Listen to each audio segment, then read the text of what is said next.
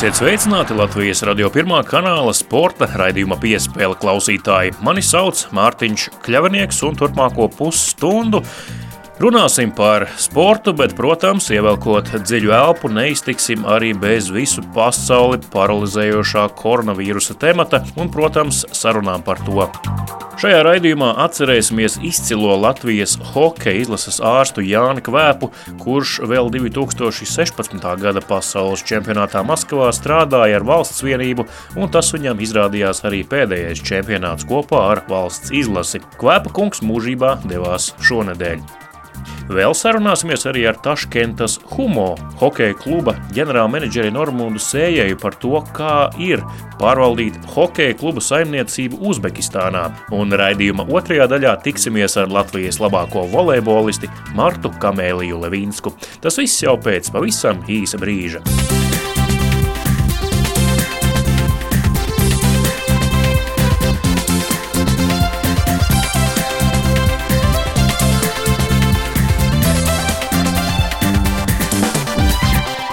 Jūs klausāties Latvijas radio pirmā kanāla sporta raidījumu piespēle studijā Mārtiņš Kļavinieks.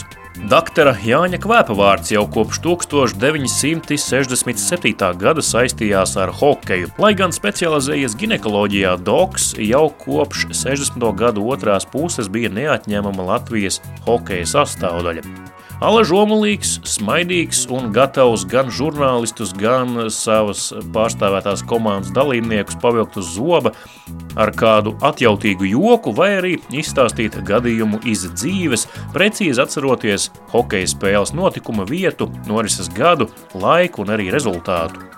Man pašam kvēpa kungu pirmo reizi klātienē sanāca iepazīt pavisam nejauši, jo, lidojot uz Soču ziemas olimpiskajām spēlēm, sēdējām lidmašīnā blakus.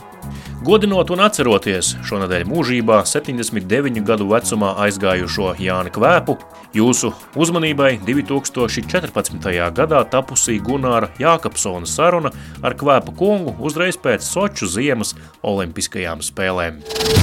Viens mats ir trausls, bet, ja sapīt bizē, tu viņu nekad nepārrausi. Ja? Un muskuļu šķiedra arī bija kvijums. Šoreiz pēc olimpiska saruna Olimpiskās noskaņās un piespēlē Latvijas hokeja izlases ārsts Jānis Skvēps. Sveicināti! Labdien! Cik Olimpiskajās spēlēs, Jānis, tu esi bijis akreditēts?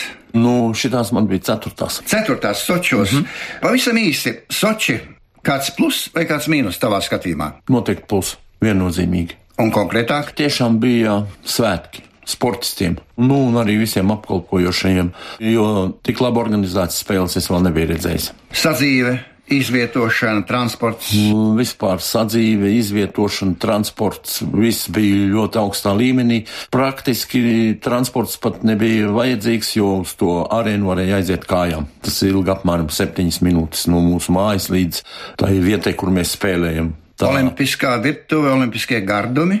Nu, arī bija ļoti labā līmenī. Viss bija ļoti garšīgi un pilnīgi daudz un caur diennaktu, un citreiz vienīgi varbūt pankūks aptrūkās, jo tās bija ļoti populārs. nu jā, un kā tev šķiet, ja runā par posteņiem šobrīd, vai tad Hokeja federācijas prezidents Treķā kungs varētu palikt vēl šai posteņā arī turpmākus gadus, ņemot vērā šīs neveiksmes pēdējos olimpiskajos startos? Nu, bailes viņiem bija lielas. Tāpēc, ka viņi visi atklāti tā arī pateica, ka mūs visus var izdzenāt uz visām četrām debesu pusēm. Bet, nu, no otras puses, es domāju, ka tāds treķeks viņš Krievijai nozīmē ļoti daudz, ka viņš ir tik daudz tās medaļas dabūjis, un viņš arī atklāja to aizdedzināja olimpisko uguni. Tā kā konkrēti pat treķeku es domāju, ka viņš paliks. Pirmo reizi astotā vieta Olimpiskajā turnīrā. Tas ir viena vieta augstāk nekā Salt Lake Cityjā. Savulaik teicams sniegums uz ledus vismaz, ja paraugāmies rezultātu tabulās, tad varēja būt arī tur kaut kas vēl vēlīgāks. Principā mēs arī caurmērā mēs cerējām, ka mēs iekļūsim ceturdaļu finālā. Tas bija tiešām tā, jo mums tā komanda bija normāli laba. Mums bija Sandis, un mēs tiešām cerējām, ka mēs iekļūsim ceturdaļfinālā. Kaut gan tas iznāca ar milzīgām grūtībām. Bet nu, tomēr mēs tur iekļuvām. Sandis deva visu sevi šajā turnīrā, arī Rīgā un arī tagad Olimpijādē. Jo viņš, piemēram, pēc spēles ar Šveici bija tā izlicies, ka viņu paņēma uz dopingu, uz to analīzi. Un mēs gaidījām 5,5 stundas, lai viņš varētu pačurāt, tāpēc ka viņš bija tik daudz šķidrumu zaudējis, ka viņam vajadzēja 8 pudeles ap puslitru ūdeni izdzert, lai viņam vispār sāktu kaut kas tecēt. Jo viņš sešas reizes gāja un sešas reizes neiznāca ne pile. Jā, nu, pēc Turīnas Olimpiskajām spēlēm, kā zinām, Sandrs teica, paldies, es beidzu. Tad pārdomāja, turpina vai turpinās arī pēc Saču Olimpiskajām spēlēm. Kādas domas? Nu, es domāju, ka uz nākošajām Olimpiskajām spēlēm es gan šaubos, ka viņš brauks. Nu, bet par šo turnīru patiešām ir daudz komplimentu izteikts ne tikai Latvijā, Eiropā, bet visā pasaulē. Viens otrs NHL vīrs pats sacīs, nu jā, NHL, bet olimpiskais turnīrs tomēr ir olimpiskais turnīrs ar citu prestīžu, citu svaru. Jā, no tā viedokļa, kāds bija šis turnīrs salīdzinot ar pārējiem turnīriem, es te nedomāju pasaules čempionātus, bet olimpiskos turnīrus. Kā hokejs pilnveidojas, vai iet kaut kādu specifisku ceļu, kā ir ar spēka spēles šodien un vakar, kā ir ar traumām, kā tu skaties hokeja nākotnē savainojumiem? Nu, es domāju, ka šis hokeja turnīrs vispirms jau paliks atmiņā ar kārtīgo Krievijas izlases fiasko tāpēc, ka savādāk to vispār nevar nosaukt. Jo no paša sākuma Krievija nerādīja absolūti neko. Viņiem nebija nekāda kāda komandas spēle. Viņi bija it kā savākti lieliski spēlētāji, bet katrs spēlēja atsevišķi. Katrs spēlēja tā, kā viņam liekas, kā viņam patīk, tā varētu teikt. Tur eh, nebija jūtama treneru roka. Un astoņi palīgi bija galvenajam trenerim. Un praktiski tas nu, nebija jūtams, ka tur ir tie palīgi. Tāpat kā viņi tagad raksta, ka Miškins tikai staigāja ar gudru seju un mapi padusē, un praktiski viņi nebija pat atraduši to pirmo vārdu, ar ko vajadzētu likt. Nu, un otrkārt, tas turnīrs paliks atmiņā ar to, ka ir ļoti izlīdzinājies vispār tas hokeja līmenis. Jo jau var tādas mazas valstis kā Slovenija un Latvija un arī nu, Šveice, pat mēs tur varētu pieskaitīt, kā līdzīgi ar līdzīgiem spēlēt ar tiem visiem lielajiem. Tad tas tikai liecina par to, ka tas līmenis ir pamazām viņš ir izlīdzinājies. Ka viņi, jā, cilvēki, tie, kas spēlē tajās mazajās komandās, saņemās, tad viņi var arī cīnīties ar visiem tiem grandiem. Tā kā tev kā ārstam nekā tāda īpaša pārsteiguma nebija? Nu, man bija viens liels pārsteigums, man bija mūsu spēle pret Kanādu uzreiz pēc spēles ar Šveici, tāpēc, ka tas ir ļoti grūti un pie tam nākošajā dienā uzreiz. Un tas pats Sandis, viņš jau nebija gulējis, un tur daudzi bija tādi, kas varēja aizmigt tikai pēc tādas uzvaras par Šveici. Dabīgi viņi nevar aizmigt, kā iekrīt gultā, tā uzreiz gulta. Nē, viņi ļoti vēl aizmiga. Bet puisis saņēmās un tik tiešām parādīja izcilu sniegumu un sevišķi vārdsargs. Tas Jā, arī vārdsargi. Nē, nu tieši konkrētajā spēlē pret Kanādu vārdsargi bija vispār super. Arī Edži viņi nevarēja gaidīt tādu sniegumu, jo viņam nebija spēļu praksi. Kas tad viņš tur tās pēdējās spēles Slovākijas čempionātā nospēlēja, bet tā viņš visu sezonu sēdēja un vēl dabūja smadzeņu satricinājumu te Rīgā. Jā, mums ir kā pirms turnīra bija divi, nu, labas klases viduvēji vārdsargi, tagad mums ir divi izcili. Jā. Pasaules klases vārdsargi pēc turnīra. Nu, un, teiksim, tas tev kā mediķi īpaši nestrauc, tur lausta roka Arvīdam, sasitums Mikam, daudz šobrīd runā par kuldas spēka paņēmienu, jā, jā. Mm, savainojot pretinieku viens spēlētāju dārziņš, ko tu par šīm lietām saki. Nu, es teikšu, ka cepur nost vispār. Tas pats Lauris, viņš pēc pirmās spēles dabūja to traumu, viņa it kā dēļ. Mēs dabūjām to golu, jo viņš nepaspēja atpakaļ, bet viņš pēc tam ļoti daudz izdarīja Latvijas izlases labā, tāpēc arī kļuva par rezultatīvāko spēlētāju un pat ir visa turnīra viens no rezultatīvākajiem, teiksim tā. Viņš saņēmās. Jā, pēc tāda tik sāpīga zaudējuma, kā mēs zaudējām Šveicē pirmo spēli, pēc tam mēs spējām tomēr saņemties un parādīt labu hokeju, jo visas spēles bija tiešām labs hokejs. Un tas rezultāts, nu, viņš bija tāds, kā bija, bet nekur mēs nebijām tā kā tādi peramie. Sen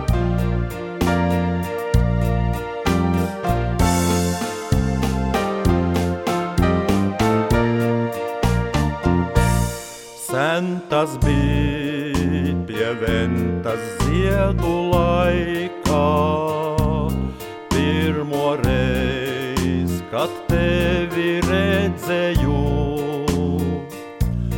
Ak, kam dēļ bija lemts mums toreiz šķirties, jo es tevi aizmirst nespēju.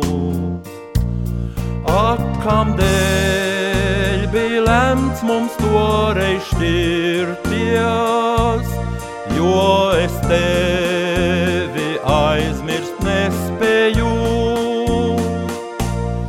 Un tad saules diena nāk man prātā, diena, kad tev mīlā atzinos. Ak, kam dēļ bija lemts mums toreiz šķirties, jo es tevi aizmirst nespēju. Ak, kam dēļ bija lemts mums toreiz šķirties, jo es tevi aizmirst nespēju. Lapu zelts, kad klāja ventas krastus, mīļā tu pie cita aizgāji. Ak, kam dēļ bija lemts mums toreiz šķirties, jo es tevi aizmirst nespēju. Ak, kam dēļ bija lemts mums toreiz šķirties, jo es tevi aizmirst nespēju. Ak, kam dēļ bija lemts mums toreiz šķirties, jo es tevi aizmirst nespēju. Viņš bija tāds motivators, ka es arī gribu būt tur, kur ir viņš un darīt to, ko viņš dara. Visiem spēlētājiem mēs ticam, gaidām, un, un vēl nekas nav beidzies. Vismaz viena spēle mums noteikti. Jā, un... Latvijas radio pirmā kanāla sporta raidījums piespēle turpinās studijā Mārtiņš Kļavinieks. Hokejs un Uzbekistāna tie gluži nav divi raksturlielumi, kuri parasti ir viens otram blakus. Ļoti sen Uzbekistānā tik tiešām bijusi hokeja komanda, taču hokeja tradīcijas tur tagad jāsāk veidot no jauna, un to kopš pagājušā gada vasaras dara bijušais Rīgas Dienāmo ģenerālmenedžeris Normons Sējais, kurš Taškentas Humo klubā, kas spēlē Krievijas augstākajā Augstākajā hokeja līgā ieņem identisku amatu kā Rīgas Dienāmo, proti, ir komandas ģenerālmenedžeris. Pasaulē milzu apjukumu un draudus izraisījušā koronavīrusa dēļ, kas paralizējas arī sporta vidi, Normundam Sējam tagad jāatrodas Maskavā, lai meklētu vietu, kur Humo komanda var aizvadīt atlikušās sezonas mājas spēles, jo Taškentā to darīt ir aizliegts. Tieši šobrīd esam sazinājušies ar Normūnu Svējēju, kurš atrodas taksometrā Maskavā un meklē Taškentas humo komandai iespējas mačus aizvadīt kaut kur citur Krievijā, proti Maskavā vai Sanktpēterburgā. Normūna, kas jauns Taškentā? Taškentā tāpat kā visur ir koronavīrus, vakar iznāca uh, veselības ministrs ziņojums, ka aizliegts visi sporta pasākumi, starptautiskās sacensības un viss pārējais. Šobrīd mēs esam Maskavā, mēs spēlējam Maskavā un droši vien, ka tās mājas spēles arī aizvadīsim vai nu Maskavā vai Pēterburgā, respektīvi Krievijā. Tā kā tāda situācija šobrīd ir. Aktīvi, aktīvi meklējam, kur tās spēles aizvadīt. Jā. Nu, īsti es neko nezināju, kur es iesaistījos, jā, bet, eh, nu, godīgi sakot, katru rītu mostos domāju, vai es tiešām sapņoju, vai tā ir īstenība. Jā, vai es tiešām esmu Uzbekistānā, jā, kur spēlē hokeju. Liekas, visu laiku man dīvaini, bet, eh, ziniet, ļoti te viss attīstās, protams, kad eh, tas ir pirmais gads tikai, jā, un hokejs tur ilgi nav bijis kopš nu, sen, seniem padomu laikiem, kad tur bija Ginakori, ja tāda komanda, kuras sen vairs nav, un hokejs bija ļoti ilgu laiku pazudis tur. Un tagad, kopš uzbūvēja tur arēnu, ja, pagājušajā gadā viņi uzbūvēja lielo, ļoti lielu, komfortablu arēnu, ir moderni, nu, tad viņi tur lēnā garā sāk attīstīties. Un tagad ir ļoti liela valsts, liels atbalsts. Ja, tā kā vēl ir Taškentā paredzēts būvēt 5 vai 6 halas, tādas nu, mazākas, tā kā inbox halas. Jā, lai hokeju attīstītu. Un ir prezidents izdevusi rīkojumu, kad attīstīt ziemas sporta veidus. Līdz šim tur bija vasaras sporta veidi, pārsvarā cīņas sporta veidi, boks. Jā, Tagad ir ļoti liela interese, ļoti daudz bērnu piesakās. Visādā ziņā ir diezgan interesanti. Kā tas viss būs tālāk, nu, to skatīsimies. Baumas par to, ka Taškentas humo jau drīzumā varētu pievienoties kontinentālajai hokeja līgai. Normunda, cik tās ir pamatotas un vai tik tiešām tā drīzumā varētu arī notikt? Uz nākošo sezonu noteikti nē, jo tad, kad es veidu sarunas par savu iesaistīšanu šajā sistēmā, tad man uzreiz teicis, ka divi gadi būs augstākā līga, un tad mēģinās iesaistīties KHL. Redzēsim, par cik KHL neviena komanda šogad netiek atskaitīta. Jā, teiksim, droši vien, kad viss tajā pašā sastāvā droši vien arī turpinās nākošo sezonu. Jā, un ir mums tas sponsors, kurš ir arī mūsu īpašnieks, teiksim tā, ne sponsors, bet īpašnieks. Jā. Viņš ir arī Spartak sponsors galvenais, Maskavas Spartak, un arī KHL līgas sponsors. Jā, un teiksim, trīs lielus projektus sponsorēt, tas nav, nav tik vienkārši. Tāpēc vēl nākošais gads būs noteikti augstākā līgā. Tad jau tā, teiksim, tā idejas doma ir uz KKL, bet, nu, skatīsimies, protams. Pamats ir pietiekami stabils, jā, un var cik arī sakarā ar komandu, kad izcīnīt pirmajā sezonā ir tāda panākuma, ir ļoti liela interese visā, visā Uzbekistanā, visā valstī, jā, tāpēc es domāju, ka attīstība noteikti tur būs, jā, un runa tur nebūs par finansējumu. Mēs smagi strādājām. Mums bija viens mērķis, visiem viens kopējs. Esam pusceļā, vēl viens solīts palicis. Prieks, ka neslūdzām un noticējām sev, ka varam vinēt. Jūs klausāties Latvijas radio pirmā kanāla sporta raidījumu piespēle studijā Mārtiņš Kļavinieks. Pagājušā nedēļā par Baltijas sieviešu volejbola līgas čempioniem kļuva Rīgas volejbola skolas komandas meitenes. Finālā atspēlējot divu setu deficītu un beigās triumfējot piecos setos, kārtīgi parādot raksturu, zelta medaļas kaklā kāra tieši rīdzenieces, ar sudrabu šoreiz bija jāsamierinās Tallinas Tehniskās universitātes pārstāvēm. Viena no panākumu kaldinātājiem ir RVS komandas rezultatīvākā spēlētāja visas sezonas garumā Marta Kamēlija Levīnska, kura pamatoti arī tiek dēvēta par Latvijas šī brīža labāko volejbolisti. Raidījuma turpinājumā saruna ar Martu Kamēliju Levīnsku. Šodien Latvijas radio mājā šeit ieradusies viena no Latvijas labākajām volejbolistēm. Tā ir Marta Kamēlija Levinska, kura nu, jau pirms aptuveni nedēļas, bet tomēr diezgan svaigi triumfējusi Baltijas sieviešu volejbola līgā. Cik dzīves vēl ir tās emocijas, kuras tu piedzīvoji? Nu jau šobrīd skatoties, nu gandrīz jau ar nedēļas atstatumu. Joprojām mazliet arī neticās, bet jā, es ik pa brīdim sev atgādīju, mēs tiešām to izdarījām, bet jā, joprojām ir ļoti liels prieks.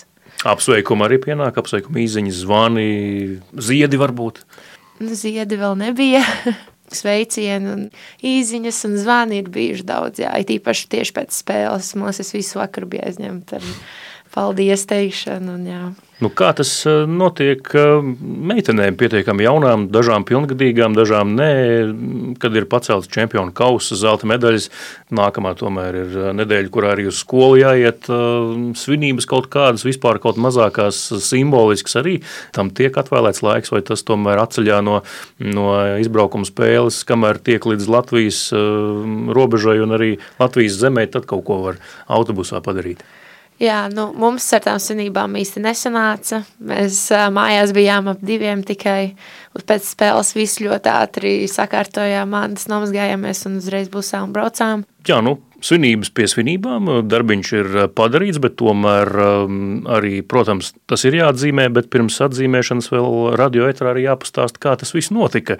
Mm, jā, nu, atspēlēt divu setu deficītu volejbolā, triumfēt piecos setos, tas laikam vistiešāk parāda komandas raksturu. Cik jums uh, pašām bija jāpārkārtojas spēles laikā, cik Andrejs Odinokovs vai Pāvils Seļivānovs tur tos kauliņus bīdīja taktiski un, un uh, kaut ko mainīja tieši jūsu spēlē, spēles gaitā tā, lai jūs to varētu izdarīt? Vai tas bija vienkārši jautājums par saņemšanos un uh, spēles plānu pilnīgi izpildīja vēlākajos setos? Jā, nu, pēc pirmiem diviem setiem es domāju, mēs katrs izdarījām secinājumus, mācījāmies no savām kļūdām, vairāk arī pāanalizējām pretinieces.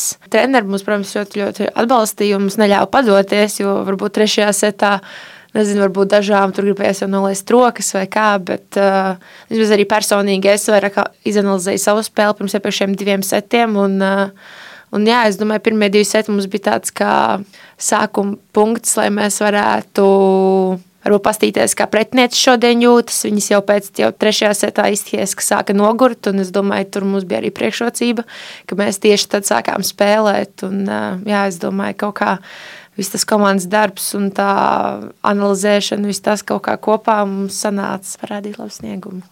Cik jūs ievācat tādu informāciju, kas nav tieši saistīta ar spēli? Nu, piemēram, cik Tallinas komanda varbūt trenējas bieži, cik viņām nu, tiešām ir tā degviela bākā, lai izturētu tādu piecu setu cīņu. Tas arī tiek izzināts un, un ievākt arī tādu informāciju. Nu, mums bija tādi, ne, mēs zinām, ka Tallinas klubs nu, skaitās varbūt profesionālāks par mūsējo, un uh, viņiem daudz lielāks budžets. Tāpēc man personīgi arī likās, ka uh, nu, 5-7 viņam kā vajadzētu mierīgi izturēt. Tas arī pat varbūt bija mazliet pārsteigts par to, bet uh, es domāju, viņas varbūt arī emocionāli nogur un uh, nevar jau zināt, kādas viņiem emocionāli bija šī sezona. Taču, jā, mēs arī nu, tur tā panelizējām, bet nu, mēs negaidījām uz to, ka viņas mums kaut ko atdos. Mēs zinājām, ka mums pašām ir jāspēlē un jā, ka tas ir vienīgā iespēja, kā var uzvarēt. Tavs um, sniegums, līderis cienīgs, gan punktu ziņā, gan arī uz laukuma parādītais. Kā tu sadzīvo ar līderis lomu, tādu uzbrukuma līderis lomu, vai tu esi tikai uzbrukuma līderi, vai tu esi arī tā skaļākā ģērbtuvē un uzmundrinātāja arī ārpus laukuma? Nu, es laikam esmu abi, es neteikšu, ka es esmu skaļākā, mums ir pietiekami pietiekami daudz meitenes, un es domāju, ka katra uh, liek savu ieguldījumu tajā. Un, uh, es domāju, mums nav tāda ļoti izteikta viena cilvēka, kas visus pavalga, bet uh, jā, ir tāds mazliet spiediens kā spēlē parādīt kā to līderis lomu, un ja tas netiek izdarīts, tad ir tāda neliela vilšanās sajūta arī no treneru puses, un arī no manas puses. Un, jā. Atgādini man, un palaboja kļūdos, bet pagājušajā gadā jums bija bronza, vai ne? Jā. Tas nozīmē, ka nu, kāpums, cik augsts vien iespējams eh, šajā līgā. Bet eh, pagājušajā gadā pēc bronzas es runāju ar Pāvelu Soļevānu, un viņš teica, ka nu, šis jau ir brīnums, ka RVS meitenes um, izcīna bronzu sieviešu konkurencē, vēl esot tik tiešām meitenes un eh, spēlējot sieviešu volejbola konkurencē. Ja tas jau likās brīnumaini, tad zelts laikam vispār, kā saka, nones no kā tiem treneris Eļivānov, kā tur bija. Jā, nu, es domāju, mēs jau bijām ļoti priecīgi pēc pirmās uzvaras, ka mēs tikām finālā.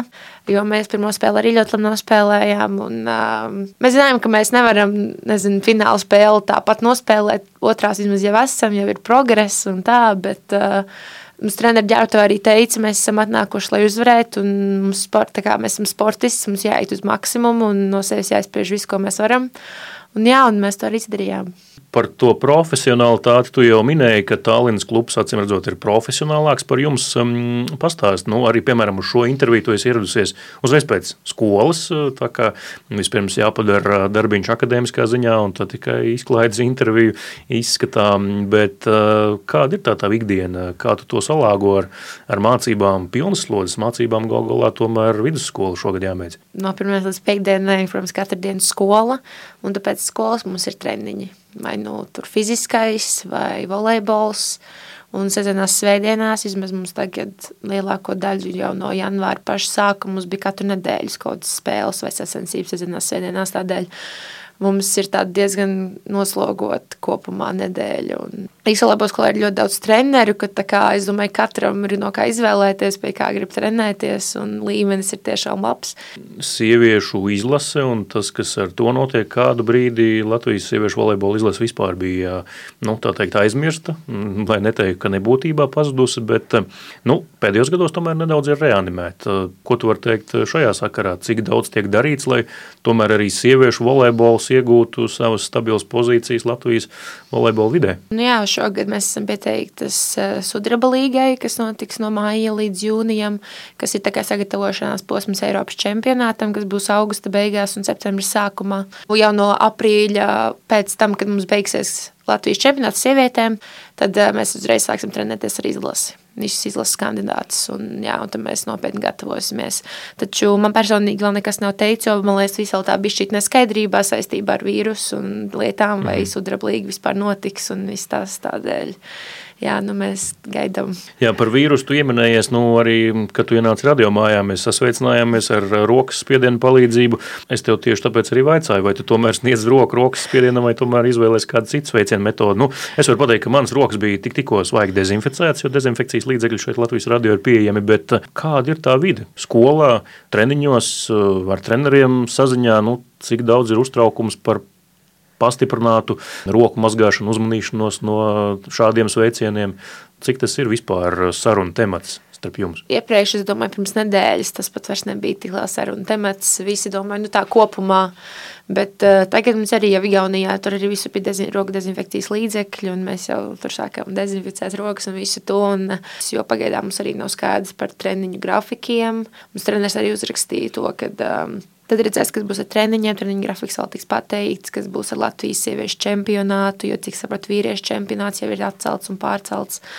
Tādēļ, arī jā. Baltijas fināla četrnieks šobrīd ir jā, uz pauzes. Jā. jā, ir uz pauzes, un mums laikam paveicās, ka mēs izspēlējām mūsējo, jo nevar zināt, kas būtu bijis. Bet, uh, nu, tagad jau es domāju, daudz nopietnāk šim visam tiek pieiets arī skolās bioloģijas skolotāji ļoti uzsvēra to, ka ir jābūt tiešām uzmanīgiem un ka tomēr nevar to tā ar vieglu prātu uztvert. Kā, jā. Par um, volejbolu kā tādu tavā dzīvē, tu jau esi minējis citās intervijās, ka labprāt apvienot studēšanu ar volejbola spēlēšanu, vai tas būs Amerikā vai Eiropā. To jau mēs redzēsim un manīsim. Kā ir ar profesionālu volejbola spēlēšanu, cik tas tev ir um, saistoši? Nē, nu, tas arī ir diezgan ļoti saistoši. Bet, tas, bet laikam ne uzreiz pēc 12. klases. Jā, laikam ne pēc 12. jo es tomēr gribētu dabūt tik tev tās izglītības, lai es pēc tam mierīgi varu spēlēt volejbolu. Jo es esmu dzirdējis daudz stāstus, kā nu, nospēlē profesionāli, bet pēc tam domā, ko darīt, kur iet, ko mācīties, kā beigt savu karjeru, kur, kur strādāt. Un, jā, es domāju, ka šis ir tas laiks, kad man vajadzētu ieguldīt varbūt mācībām. Katram ir jāizdomā tas, kas ir svarīgāks, un, piemēram, man personīgi ir svarīga arī ģimene, un ja es tā kā kaut ko ļoti saistoši atradīšu tajās ārzemēs, vai nu foršu komandu, vai varbūt ļoti labu iespēju kādā universitātē mācīties un spēlēt, tad es domāju, Es domāju, ka viss ir jāpamēģina, jo nu, vienmēr jau var atgriezties tādēļ. Es tā kā pilnībā atbalstu to, ka dodas kaut kur ārzemēs, tur spēlēt, vai gūt jaunu pieredzi, vai jaunus piedzīvojumus. Un, jā, es domāju, ka katram tas ir jāizbauda vai jāizmēģina. Cik eh, nopietni tev bijuši piedāvājumi un tādi vispār ir bijuši no pludmales volejbola treneriem? Saka, Marta, met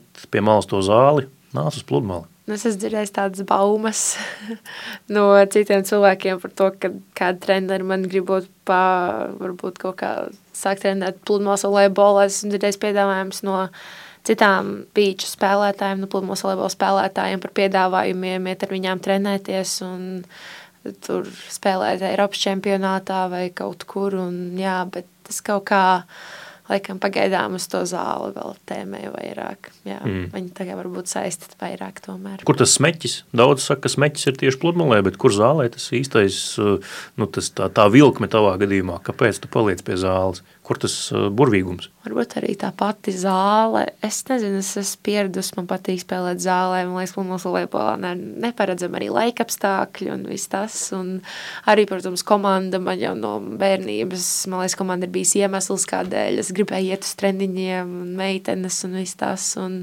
jā, un kaut kā tomēr tas komandas darbs ir tas, ka tu to uzvari izcīni kopā ar kādu un nevis tā kā viens, bet tur var priecāties ar visiem kopā. Es nezinu, tas kaut kā man vienkārši. Un arī man liekas, ka man labāk sanāk zāles volejbols tādēļ. Tālūk, Marta Kamēlija Levinska, viena no Latvijas labākajām volejbolistēm, mm, sarunā ar Latvijas radio sporta radījumu piespēli. Paldies, Marta, ka atrada laiku atnāk uz Latvijas radio, pastāstīt par uh, triumfu Baltijas līgā, ko jūs kopā ar Rīgas volejbola skolas meitenēm paveicāt um, pagājušajā nedēļā. Um, nu, tad jānovēl acīm redzot vēl augstāki sasniegumi. Šajā dīķītī laikam ir sasniegts maksimums. Tad, nu, kaut ko vairāk vēl arī karjerā turpmākajā. Un pirmkārt jau, protams, veiksmīgi absolvēt arī skolu, iegūt vidēju izglītību. Tas laikam primāri šobrīd, vai ne? Jā, paldies. Tā kā lai izdodas un paldies!